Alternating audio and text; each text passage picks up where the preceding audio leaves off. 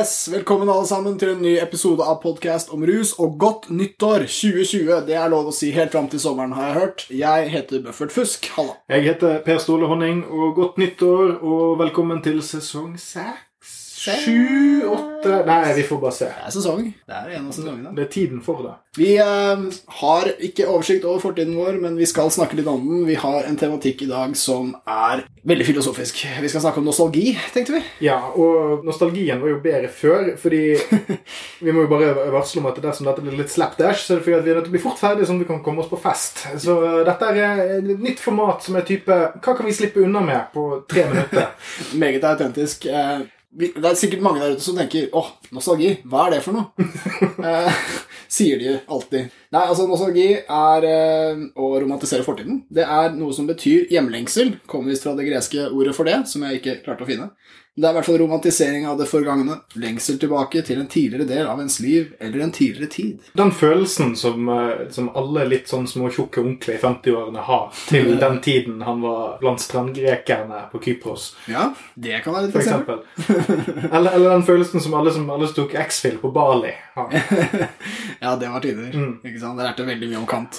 X-Fill må det jo være, for ellers så skjønner jeg ikke hvorfor jeg tenkte Bali når jeg tenkte nostalgi eller gresk. Det var litt sånn pussig òg. Nei, men det spørs jo hvor man var. Bali høres veldig ut som et sted utenfor Grekenland. Det er, det er utenfor. Vi må også ha med det, altså Vi tar litt mer av definisjonsramma vår her. Altså Nostalgi det er jo noe som har en sånn positiv spinn. Folk mm. liker det. Det er ikke så veldig så mange farer knytta til det. Men det har Samtidig også hell of a drug. Hell of a drug. Eh, vi skal jo selvfølgelig ha på oss rusbrillene og klare å flette ganske mye ruspreik inn i dette her. Men eh, for å ta det positive her altså Nostalgi kan forbedre humør. Nå snakker jeg noe som en drug. ikke sant? Det kan forbedre humør, øke sosial tilknytning, forbedre selvbildet og gi eksistensiell mening. Ja, men det kan òg føre til eh, rasisme, fascisme og total ødeleggelse og masse drap. Det stemmer. Yes. eh, Så vi har eh, kanskje, kanskje det farligste rusmiddelet ever. Ja, altså når du tar med den siste delen her, så høres det verre ut Ja, hvis, vi- putter inn jødeutryddelsen på toppen av dette, her, så, så er det fort. Ja, nei, men... Vi, kommer tilbake igjen til hvorfor det er relevant uh, seinere. mulig nostalgi må ta sin del av skylda. Eh, det er altså en reell fare for feiltolking eller undervurdering av historiske hendelser. Er også med i nostalgipakka. Jeg, jeg tenker også å ta med, La oss gjøre unna det tørre og komme oss videre med litt juicy ruspreik etter hvert. Tenkte å ta med det at det var en studie som ble gjort i 2014 som viste at hvis politikere eh, henviser til en idealisert fortid, eh, så kan de på den måten trigge samfunnets og kulturens sosiale angst og usikkerhet, som de kan gjøre ved å gjøre nostalgi da mer attraktivt og effektivt som et politisk verktøy. Som for eksempel Husker du når det ikke var så mange brune folk? Igjen er vi tilbake på den der feiltolkningen av historiske hendelser. Og Yes. Politikere kan bruke dette her, så vær litt obs på det. Hvis du lever i eh, en veldig romantiserende nostalgi, eller syns det er jævlig bra, så vil du kunne være sårbar for å bli manipulert av disse folka. Og disse folka. Og, og, og min lille referanse til jødeutryddelsen og sånt, der kommer jo fra det at uh, ja, eh, de, de fascistiske bevegelsene og nazistiske på begynnelsen av eh, 20- og 30-tallet var jo veldig bygd på en da, nostalgisk fremstilling av en svunnen storhetstid for f.eks. Italia og, eh, og Tyskland, som egentlig aldri har eksistert sånn som de forestilte seg. det. Ja, var alltid de idyll- eh, idylliserte sidene av det. Det var alltid disse fanene og folk som var så jævlig flinke til å gå i støvler og, og gå i skogen og alt mulig sånt. Men det var ikke så veldig mye om den her harde realiteten med liksom å faktisk drifte noe eller gjøre noe. Nei, sant. Og det er lett å, å falle i den fella og tenke at liksom, ja, men på den tida der, de hadde ikke så bra historiske kilder. og Det er litt, lett å lure de og si ja, men for bare 100 år siden, der var det mye bedre. Men hva er det i dag, da? Hvordan er de historiske kildene nå? Hvor lett er det å få oversikt? Ja, vi har jo kildene, bare folk gidder jo ikke å gå og leite de opp. Det er jo sånn, er jo, man baserer stort sett, det, eh, Nostalgien din er stort sett basert på hva du hører noen andre snakke om eller, eller dra fram. Det er jo sånn, altså Stranger Things er jo ikke en av verdens mest populære TV-serie pga. at folk husker 80-tallet så konkret. Nei. Fordi 80-tallet var ikke sånn som Stranger Things var. Men det Stranger Things uh, gjør, er at den liksom syntetiserer hvordan 80-tallet ville føltes dersom noen på 2000-tallet eller 2010-tallet skulle forestilt seg at 80-tallet var awesome. Ja, ja. Sånn, Altså, så det, det er masse le lek med følelser og, og an altså, antatt hukommelse. Så må vi òg eh, huske at folk har dårligere hukommelse enn det, det vi tror. ja. Så det er lett, det er lett å huske, huske seg tilbake igjen til en mye mer fløyelsmyk og digg versjon av fortiden enn det som eh, egentlig var tilfellet. Ja, og også kan det fremstilles, vi skal komme mer tilbake til det, men at du, altså, de fleste som ser på Stranger Things, er jo trolig ikke født på 70-tallet. ikke sant? Så de, de har jo da andres nostalgi, på en måte. Det er jo 80-tallet er jo da en slags, et slags konsept Mm. som kan uh, Som er, basert på, ja, som er basert på at man har sett filmer fra den tiden eller har hørt musikk derifra. og sånt, Ja. Men du har aldri levd Du trenger ikke ha minner. Du trenger ikke å ha vært der. Det er interessant. Men eh, så jeg tenkte å ta med det med at det er en slags sånn lureri i nostalgien. altså Fordi det er romantisering i det, så vil det jo alltid være sånn at hvis vi, hvis vi virkelig hadde den tidsmaskinen, så gjorde det at vi kunne bli fortids-oss. Altså hvis du, hvis du har et minne fra barndommen Når jeg var åtte år, så sto jeg og så på en jævla solnedgang eller et eller annet, og så følte jeg masse Hvis du hadde kunnet hoppe inn i kroppen din som åtteåring, så er sjansen for at du hadde blitt skuffa ganske stor, tenker jeg, da. Altså fordi vi, Det har skjedd så mye siden da, og likevel har vi da uh, dette bildet som sikkert har blitt forsterket av uh, Ja, for jeg vil jo si at, det, si at en person på 30 pluss burde jo ikke få den samme gleden av å gjøre de tingene som en åtteåring ville gjort. For det, er jo, det er jo både, både Det er ekkelt og, og trist. Nettopp. Ja. Eller, eller så er vedkommende psykisk utviklingshemmet. Og la oss ikke, ikke åpne den døren. ja det er jo en, en, god, en bra ting å tenke over, hvordan det hadde vært å hoppe inn i dette åtte år gamle huet. Jeg tror i hvert fall at vi står i evig fare for å, å skjønnmale. Eh, og, og det kommer jo an på hva vi velger å skjønnmale. Hvis du har hatt en problematisk barndom, så har du kanskje ikke så mange sånne solnedganger å se tilbake på, men hvis du har hatt en bra ungdomstid, eksempel, så kanskje det er da Ja. nostalgien kicker. Vi er også inne på det når vi snakka før episoden, at med en gang du er sånn tolv eller eh, kommer inn i puberteten, så begynner du å bli nostalgisk for første gang. For det Ja. er første gang du har noe å se tilbake på. Ja, ja, altså te, Jeg har en teori jo i hvert fall om at, at, at nostalgi det, det, det oppstår i det øyeblikket du merker at eh, valgmulighetene dine har blitt snevret inn. Og det har man ikke så mye Det, det tenker man ikke mye på når, når man er liten. Eller innsnevret blir feil, men når, når man merker at nå har det skjedd en endring som kanskje ikke var udelt positiv. Mm. Som eksempel at man plutselig er på ungdomsskolen, eh, man får eh, ereksjon på rare tidspunkter, og plutselig er det karakterer. Så? Da, da, da tror jeg man kan se tilbake igjen på, på barneskolen og, og, og tenke hm, det var litt, litt mer ålreit på noen måte. Ikke at det er bedre, men man kan få sånn ah, der var det noe som har gått tapt. Ja, nei, men det er, den er nice. Altså. Det jeg tror det er helt i kjernen av det. Fordi du har uh, denne hjemlengselen. Liksom. Hva er hjem? Jo, det første minnet du har. Mm. barnehjernen er, er hjem. Det første grunnleggende minnet. Forutsatt at du ikke har, har hatt en forferdelig oppvekst, selvfølgelig. Som alltid er antagelsen vi må gjøre. Det må folk har hatt det fint. Folk har forskjellig oppvekst. forskjellig nostalgi. Og så kommer kanskje neste nostalgibølge når ung voksen flytter hjemmefra. sant? Å, Ja. savne ungdomstiden, og alt var bekymringsløst. Og Og, så kommer den tredje når man er litt eldre enn det igjen, og huslån til godt opp etter pipen. Og, ja. Ja. Så er det tilbake til studietiden. Yes, sir. Absolutt. Sykluser. Og da begynner vi å nærme oss det som er målgruppen for denne podcasten, nemlig uh, folk som uh, f.eks. mener at uh, weeden var bedre før. Nå er vi oppe i rusverdenen igjen. vet du. Yes. Kanskje ikke så mange av våre lyttere som kan mene det, egentlig. Ja, jeg håper jo vi har noen gambliser med oss. Men jeg vet ikke. Nei. Eh, hvem er det som mener det? Og, og, og når skulle den i så fall La oss si at vi har en- noen i 50-årene som husker det harde Nei, Hvor gammel er en 50-åring i dag? Eh, Født i 1970 Faen! 50-åringen er født i 1970. Ja, De kan si at litt var bedre før, kanskje. Ja, kanskje, men, men på 80-tallet var weeden bra. På, Det var jo bare svakere. Ja. Altså, er folk liker ikke at den er så sterk. Du var 14 i 1984. Det var liksom, hva, hvor, hvor, hvor, hvor bra kan den weeden ha vært? Ja, nei, altså, Eller hasjen, eller whatever. Etter alt jeg har hørt, så virker det jo bare som om det, det var mer kontrollerbart. Eller Det var svakere. Ja, han var svakere. Ja, de Ja, det, likte å få i seg mye. Ja, for det er sånn, sånn, sånn eh, hasj og marihuana og cannabinoid-relatert, så, så er det jo denne gamle greien med at, at man har sagt at nå er, nå er hasjen ti ganger sterkere enn den var for ti år siden, eller da vi var barn. Det har de sagt nå i 50 år. Ja, ja. Så, så på hvilket tidspunkt er det vi har begynt å bevege oss opp i liksom, en milliard ganger 25 ganger sterkere. 100 ganger sterkere. Ja, Vi burde i hvert fall fått med oss dette kvantespranget i teknologisk utvikling. da. Ja. Hvilket år var det weed-forskningen Ja. si det, gjorde byks? Bare 10x styrke. Men jeg tenker jo, altså, så, så den nostalgien der kan jo være litt sånn tosidig. Den ene er det at hvis, hvis du faktisk kjøper det at Altså, vi er jo for så vidt enig i at cannabis er sterkere i dag i snitt Det må det det det, må det bare være. Ja, og det er noe folk er nødt til å ta høyde for. Så Ja. man, der kunne jo en del sånne Jeg jeg vet ikke hva man skulle kalt dem, men liksom sånn weed-folk, eller de, de, som, de som er litt mer på den her eh, sånn alle burde røyke-bølgen, de Ja. ville jo da kanskje kunne sagt med ekte nostalgi i sitt hjerte at det var bedre før. Ja. Når det var smak, svakere, og da kunne hvermannsen gjort det. Ja. Uten å få noia og sånn. Mm. Det jeg er litt usikker på, er hvor mange som får noia nå i dag kontra da. Altså om, om det er en, den samme Om det er en like stor prosentandel, eller altså, sant? altså, hvor, hvor, hvor mye som eh, det utslaget der. Ja, det kan du si. Mm. Men det er i hvert fall ingen tvil om at, uh, at weeden er sterkere enn før. Det er uh, helt logisk, og at uh, det følger en kalkyle for hvordan denne planten kan utvikles. Altså, Hvis alkohol kunne bli sterkere, så hadde den også blitt det. Altså, hvis det gikk an å lage sprit som var liksom 500 sterk Det høres jo rart ut, men uh, la oss, da, da hadde vi gjort det et år, og så hadde vi prøvd å overgå det neste år. ikke sant? Men, men, og sånn er weed. og det er det de basically konkurrerer om.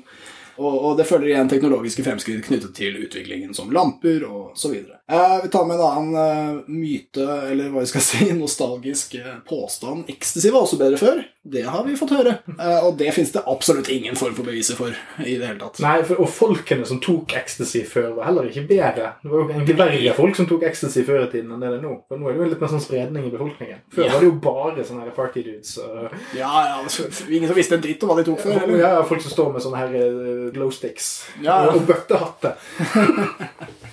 Og nå driver jo politiet og går rundt og sier å, ecstasy er forma som godteri, og derfor lurer barna og sånn. Altså, det kommer jo fra den tida her. Uh, og de, de, sa jo bare den grønne gjør det sånn, og den blå gjør det sånn. Så hvis de prøver det samme i dag, og så får ikke de helt det samme ut av det, ja, ok. Men det er jo ingen grunn til å tro at det fantes ingredienser da som ikke er der nå. Uh, så, så, dette er så om, om noe så er ecstasy eller MA i dag er, Man er mer klar over hva som er i det. Ja. Og i den grad det var annerledes før, så var det kanskje et spørsmål om var det blandet litt med amfetamin, eller var det et eller annet med en eller annen dosering som kanskje akkurat denne personen her var litt mer trigget ja. til, å, til, å, skulle reagere på enn en andre. sant? Og, ja. og, kan det ha noe med at det var første gangen de ruset seg ja, på noe som var sterkere enn øl? Og så er det, det, det er et fint nostalgisk bilde, fordi jeg tror at man savner enklere tider. Mm. Eh, det er mye av nostalgien. Og her er også greia at de samme ecstasy-produktene som fantes da, de finner du helt sikkert nå, men mm. det er vanskeligere å finne, for det finnes så mye nå. Det er ja. masse kompliserte faktorer i dag, så det er ikke så enkelt som det var. Og da er du allerede på romantiseringen av det enkle, hvordan det var. Det må jo ha vært bedre. Det, det, var bedre tid. Ja, for det er, egentlig, det er egentlig et ønske om For det var litt morsomt når vi var inne på det der med at enten eh, det er ikke så bra å ville være en åtteåring, eh, for da er du helst tilbakestående hvis sant? Den eneste måten å faktisk oppleve det på som voksen. Ja. Eh, men, men, her er det jo det er jo et ønske om å faktisk være litt tilbakestående.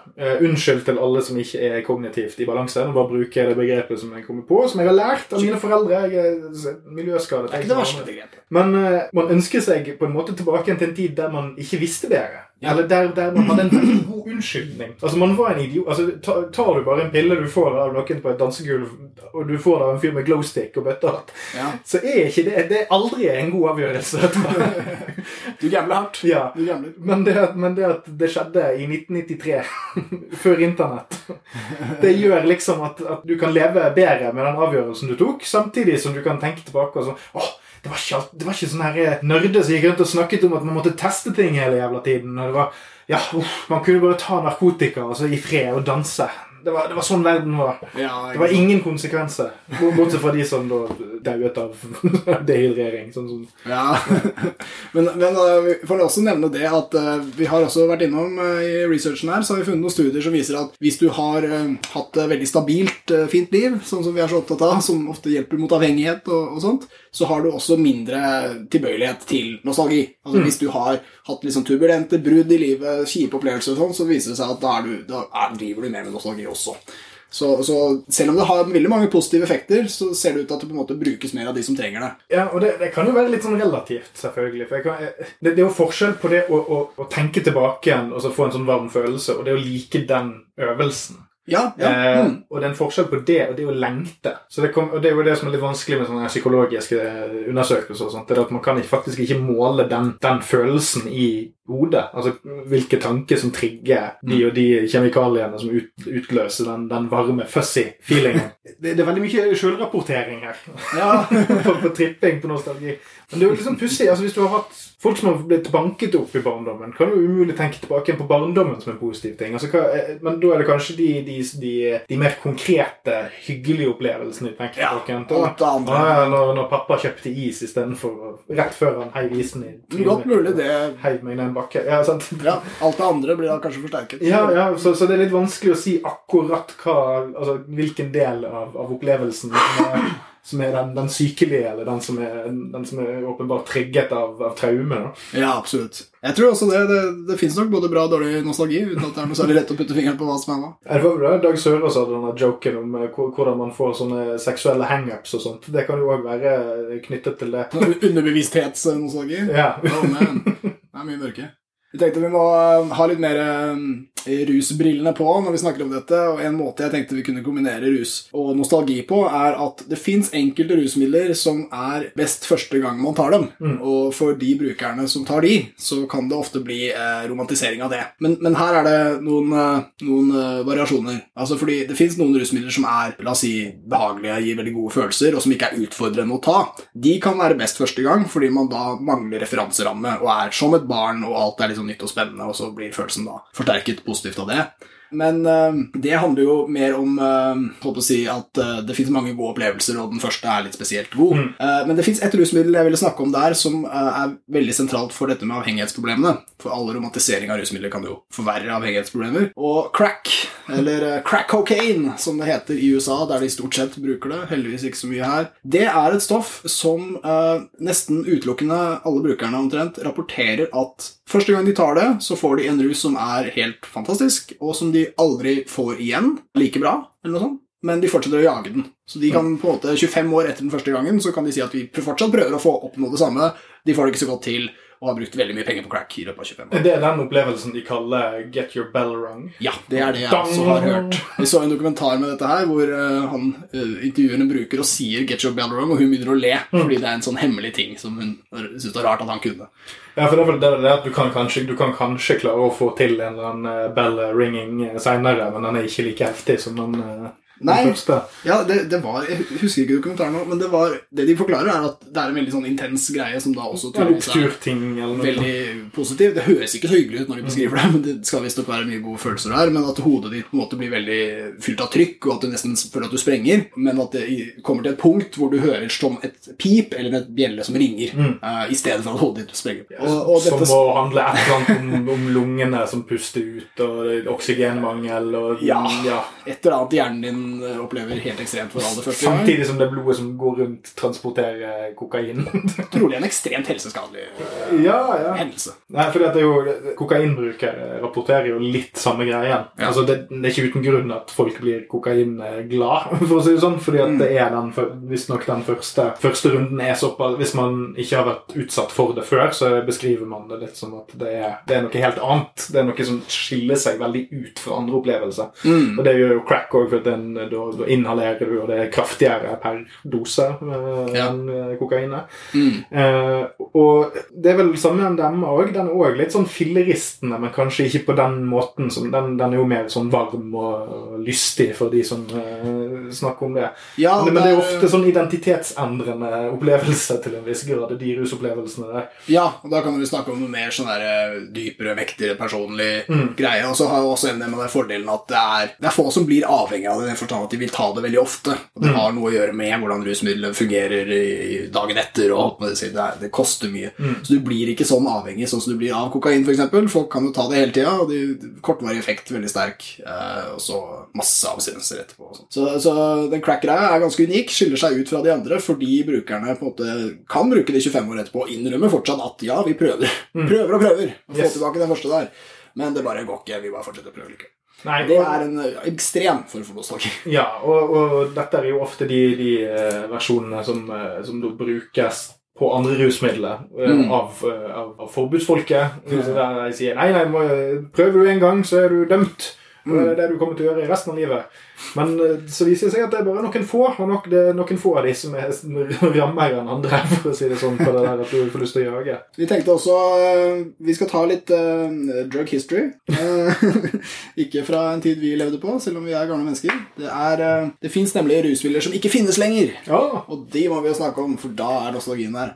og da skal vi over i pillenes verden. Eller medisinens verden, som det også heter. Men piller er jo en slags egen sjanger av rusmidler som ikke har noe spesielt godt rykte. Nei, for det, det er for klinisk. Altså det, det, er den her overgangen fra, fra, fra rekreasjon til eh, medisinering yes. som er Sykeliggjøring. Ja, nål, nål, og pille. Ja. Da det begynner å Det er for syke folk. Det er syke folk som bruker det. Syke, syke, syke folk. Er det identiteten din? ja. Du er en sånn jævla gammel, syk person. Eh, nei, men altså, eh, det, altså det, første vi skal snakke om, det er det som heter Quaaludes. Det er et sovemiddel som heter metakvalon, mm. eh, som ikke er brukt så mye på norsk. da Men uh, det er et stoff altså, uh, Litt historie først. På 50-tallet det viser seg at vi har uh, mennesker i Vesten har spist angstdempende midler siden 40-tallet. Jeg trodde jo at Rolling Stones var tidlig ute med låta si på 60-tallet om Valium. Mm. Little Helper viser seg at det har jo pågått lenge før det. Og valium viste seg å være et svar på en tidligere eh, pille, som mm. var sløvende. Som da valium skulle være bedre enn. Så har vi fortsatt å lage nye piller hvert tiende år som skulle liksom være bedre.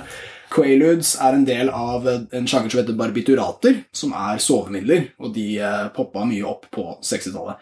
Metakvalon, altså Quaaludes, de har blitt litt kjente gjennom populærkulturen. Og her kan vi nevne Bill Cosby som en eh, Kanskje ikke gjennom eh, populærkulturdelen av Bill Cosby karriere. populærkulturen sjokkerende sak med Cosby, som har eh, holdt på en stund. for ja. å si det sånn. Dette er jo gamle drugs. Med tanke på at Quaaludes gikk ut av produksjon i 1985, så eh, yes. det, Han fikk eh, gått gjennom noen runder med den. Ja, og Cosby har innrømmet at han har brukt Quaaludes mm. i noen av disse sakene hvor han også har innrømmet straffskyld. Ja, det var vel der han Det var en deposition i 2004 som ikke egentlig var en del av Det var ikke en del av en rettssak, så han kunne uttale seg der under uh, lock and key, og den ble åpnet nå, og der, der ble han dømt. Amerikansk jus altså. Men, men, eh, dette har vi jo drevet Vi har jo òg leitet litt rundt. Jeg vil bare kommentere i farten at det er Jeg vet ikke fordi Man havner jo inn på litt sånn spesielle Wikipedia-sider når man leser om disse tingene. Og jeg, jeg, vet ikke om det er udelt positivt at det finnes en egen Wikipedia-side som heter Date Rape Drugs. Nei.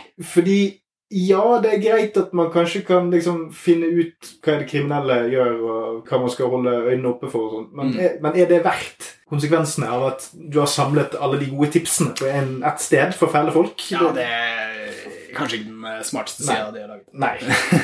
uh, vi har også med Wolf of Wall Street, uh, populær film av Scorsese, mm. som har fremstilt Quailus veldig mye. Denne gjengen av disse børsfolka de driver jo og fester veldig hardt. De bruker Quaaludes til, som sexdrug, noe det også var utbredt som, visstnok. Som er litt sprøtt, i og med at det er et sovemiddel. Jo, men det var folk som sniffet uhorvelige mengder med kokain. Det så da ble nok kombinert, ja. ja. Eh, det blir fort en kombo med noe annet, enten med komikere eller og det, det, det, hadde også en viss, uh, viss, gjennomslag i populærkulturen på tiden. Uh, navnet på Quaaludes var, uh, på gata var Disco Biscuits. det må med. Det er et rått navn. Det er det Disco Stewie fra Simpsons er på. Også få med der at David Bowie hadde en låt i Time hvor han refererte til Quaaludes, snakket om Quaaludes and Red Wine. Frank Zappa, avholdsmann, har også referert. I låta Pygmy Twilight snynger han om Quaalude Moonlight. Hm. Det interessante med Quaaludes som vi også fant ut, det var jo det at uh, altså, dette er en tid hvor krig mot narkotika er så vidt i gang. Mm. Altså 60-tallet kommer med nye spennende piller som Quaaludes. Samtidig innfører politikerne denne kampen mot weed og morfin og alt det andre greiene. Og dette var jo veldig interessant, fordi Quaaludes ble et sånn folkedrug. Altså det ble, folk gikk helt bananas på det. Det solgte som faen.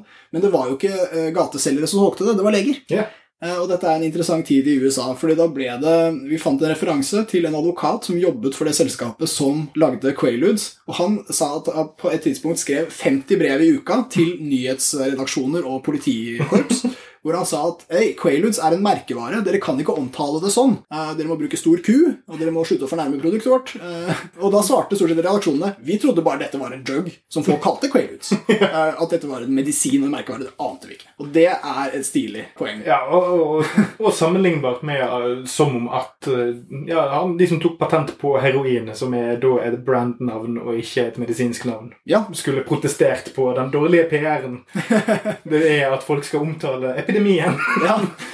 Det var Bayer som oppfattet det. Det er med stor H, ikke liten. Ja, vet du, Man blir heroisk av dette stoffet, skulle de sagt. Så, så, helt kaos i den forstand at uh, dette var rett og slett ikke solgt av drugdealere som ikke var leger, men likevel så spredde det seg så mye i samfunnet at det dukket opp i avisene overalt. Uten at jeg har en sånn eksakt referanse i hodet nå, så, så minner jo dette meg ganske mye om det Johan Harry skriver om i 'Chasing the Scream'. Ja. Sånn generelt, uten at jeg kommer på noe helt konkret. Og det er jo påfallende dette at omtrent samme samtidig som eh, krigen mot narkotika kicker sånn sakte, men sikkert i gang fra 50-, 60- og 70-tallet. Det er jo en sånn eskalering av, av, eh, outrage mot cannabis og sånne ting. der. Mm. Så får man samtidig ganske mye sånne preparater som er ment, som f.eks. Mommy's Little Helper, som liksom mm. var sånn skreddersydd for liksom å hjelpe hus, overarbeidede husmødre med å takle hverdagen. Sant? Gi, gi de litt sånn benzodiazepine og kanskje litt grann eh, stimulanter. Sant? En for å få de opp en for å få de ned, og så de, kan de være en del av dette tannhjulet i dette helt absurde sånn patriarkalske kjernefamiliesystemet vi holder på å bygge her sant? Mm. i etterkrigstiden. Mm. Mm. Eh, og så ser man jo at vi har jo versjoner av Quaaludes og den slags type, type stoff i dag. Det er bare det at de, de som får dårlig rykte på seg, blir tatt av markedet og erstattet med noe som ligner og ikke har det samme dårlige ryktet. Mm. Men det er jo de samme funksjonene. da, Og i dag så har vi jo det opiatkrisen der borte med Oxycontin og sånt. Ja, ja og det, dette er en flott parallell. Fordi Det er de lovlige alternativene til de ulovlige.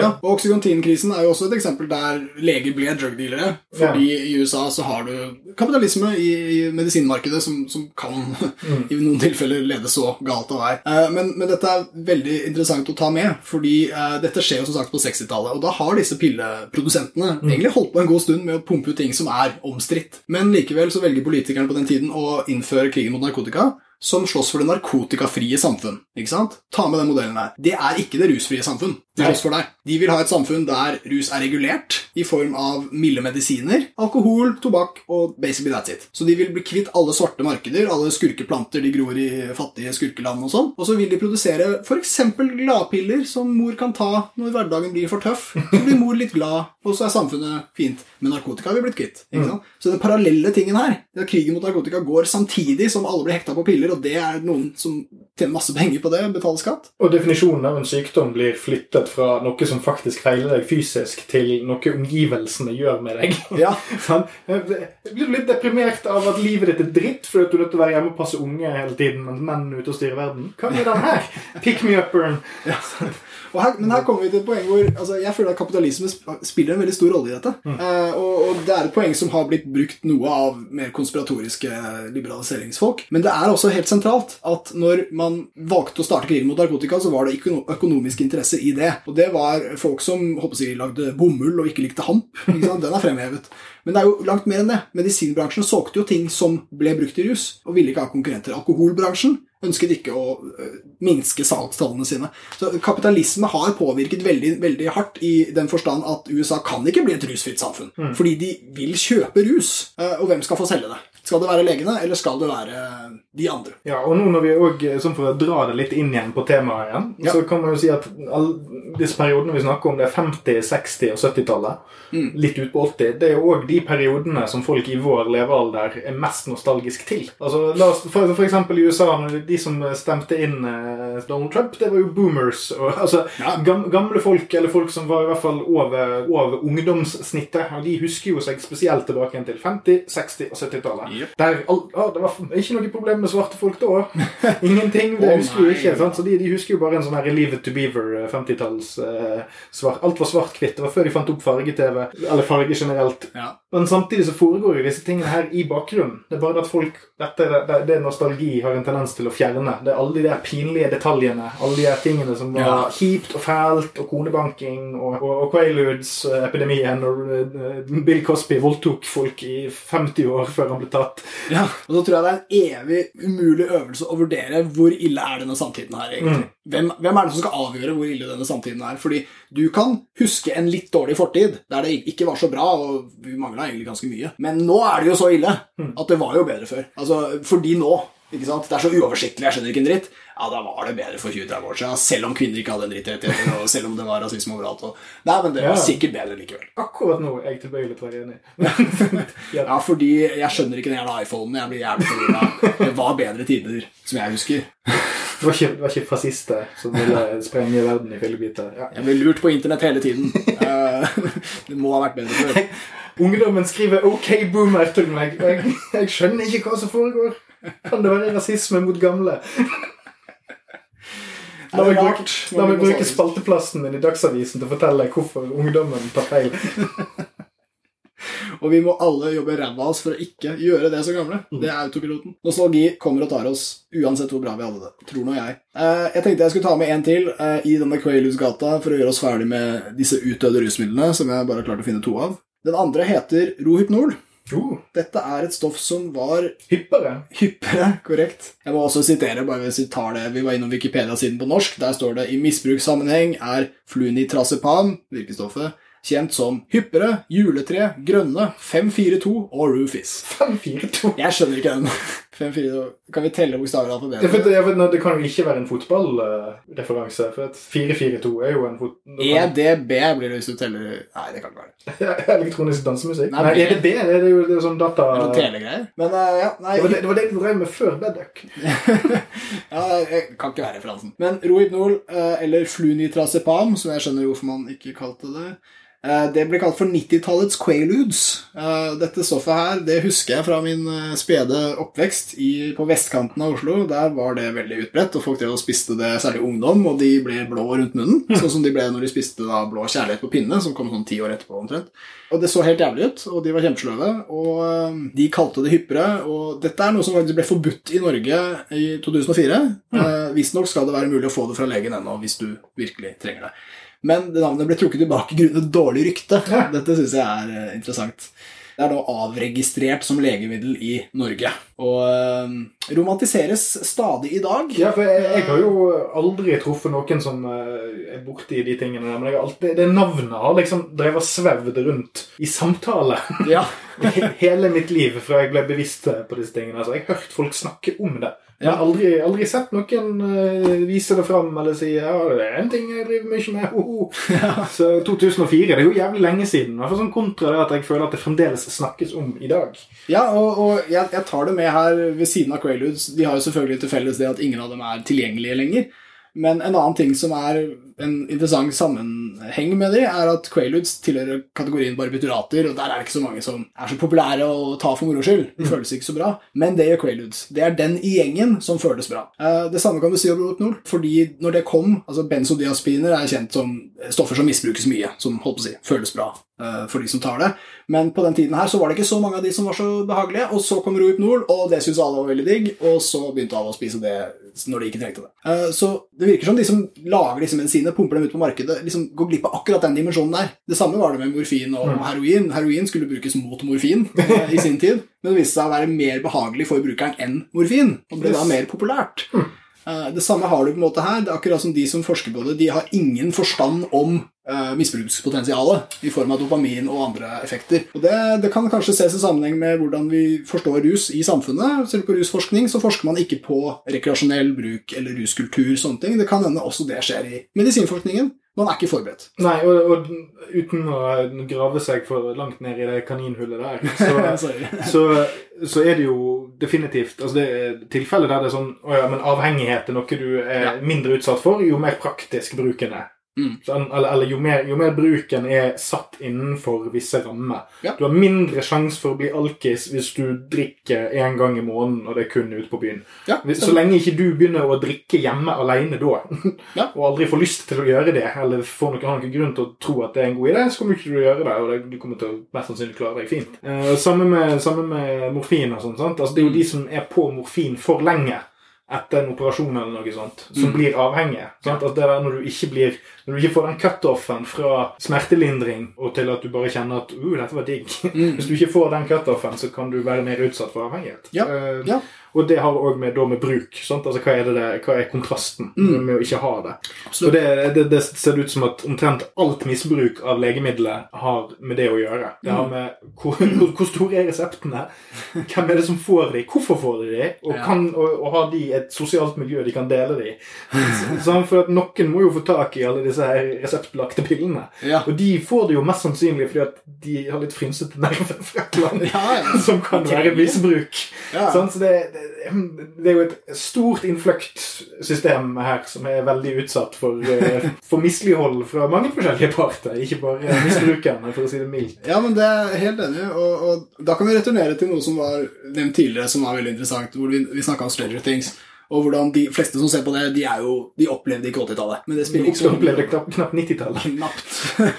de, men de liker fortsatt 80-tallet. De Mm. liker pakka, og de har hørt musikken, og de har, de har følt følelsene. De har kjent vibbene, men de var ikke der. Eh, så hvis du ser på dette som eh, Hvis vi snakker om nostalgi som hjemlengsel, så lengter de på en måte hjem, men til et hjem de aldri har bodd i. Altså, De lengter jo etter et, noen andres hjem. Og, og... De lengtet til et hjem som dere har beskrevet for dem, som virker jævlig fett. Som er innendørs svømmebasseng og ja, arkademaskin og Nintendo. Og de har følt hjemme, så de har nesten vært der. Ja. på en måte. Men de har jo ikke det. Og hvis vi overfører det her til rusverdenen, for dette er noe jeg hang meg litt opp i Vegg-til-vegg-teppet som du aldri må støvsuge. Det er 80-tallshuset. Høres jo greit ut, helt til du har det sjøl. Ja, og må støvsuge. Det lukter, altså.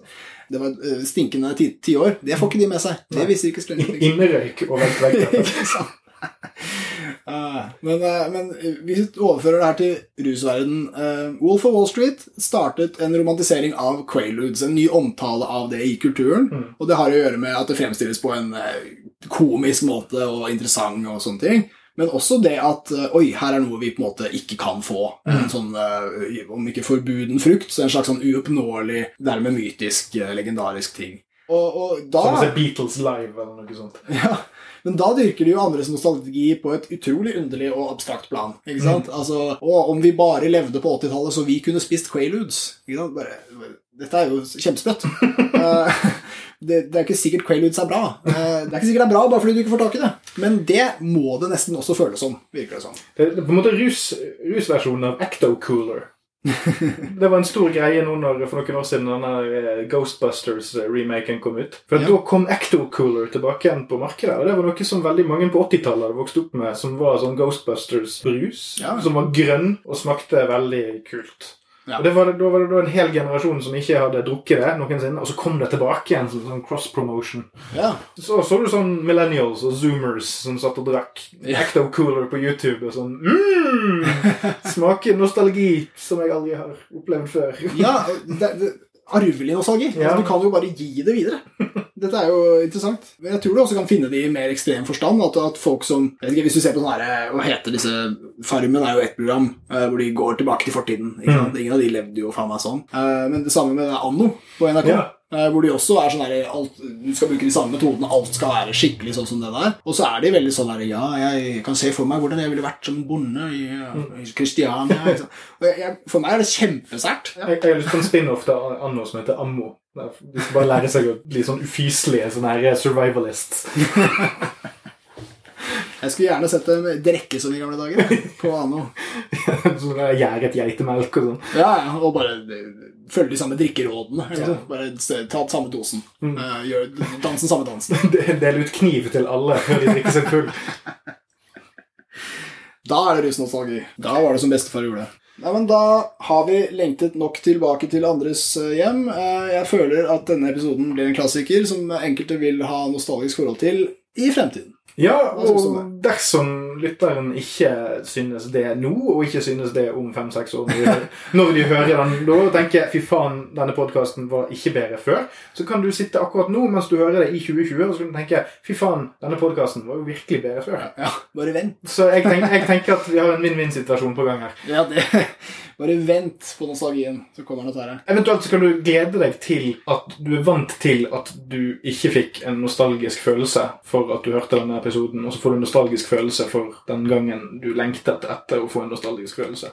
Ja, metanostalgien. Så slapp av, folkens. Ingen grunn til å stresse. Døden kommer for oss alle. Vi kan bare slappe av. Takk for meg.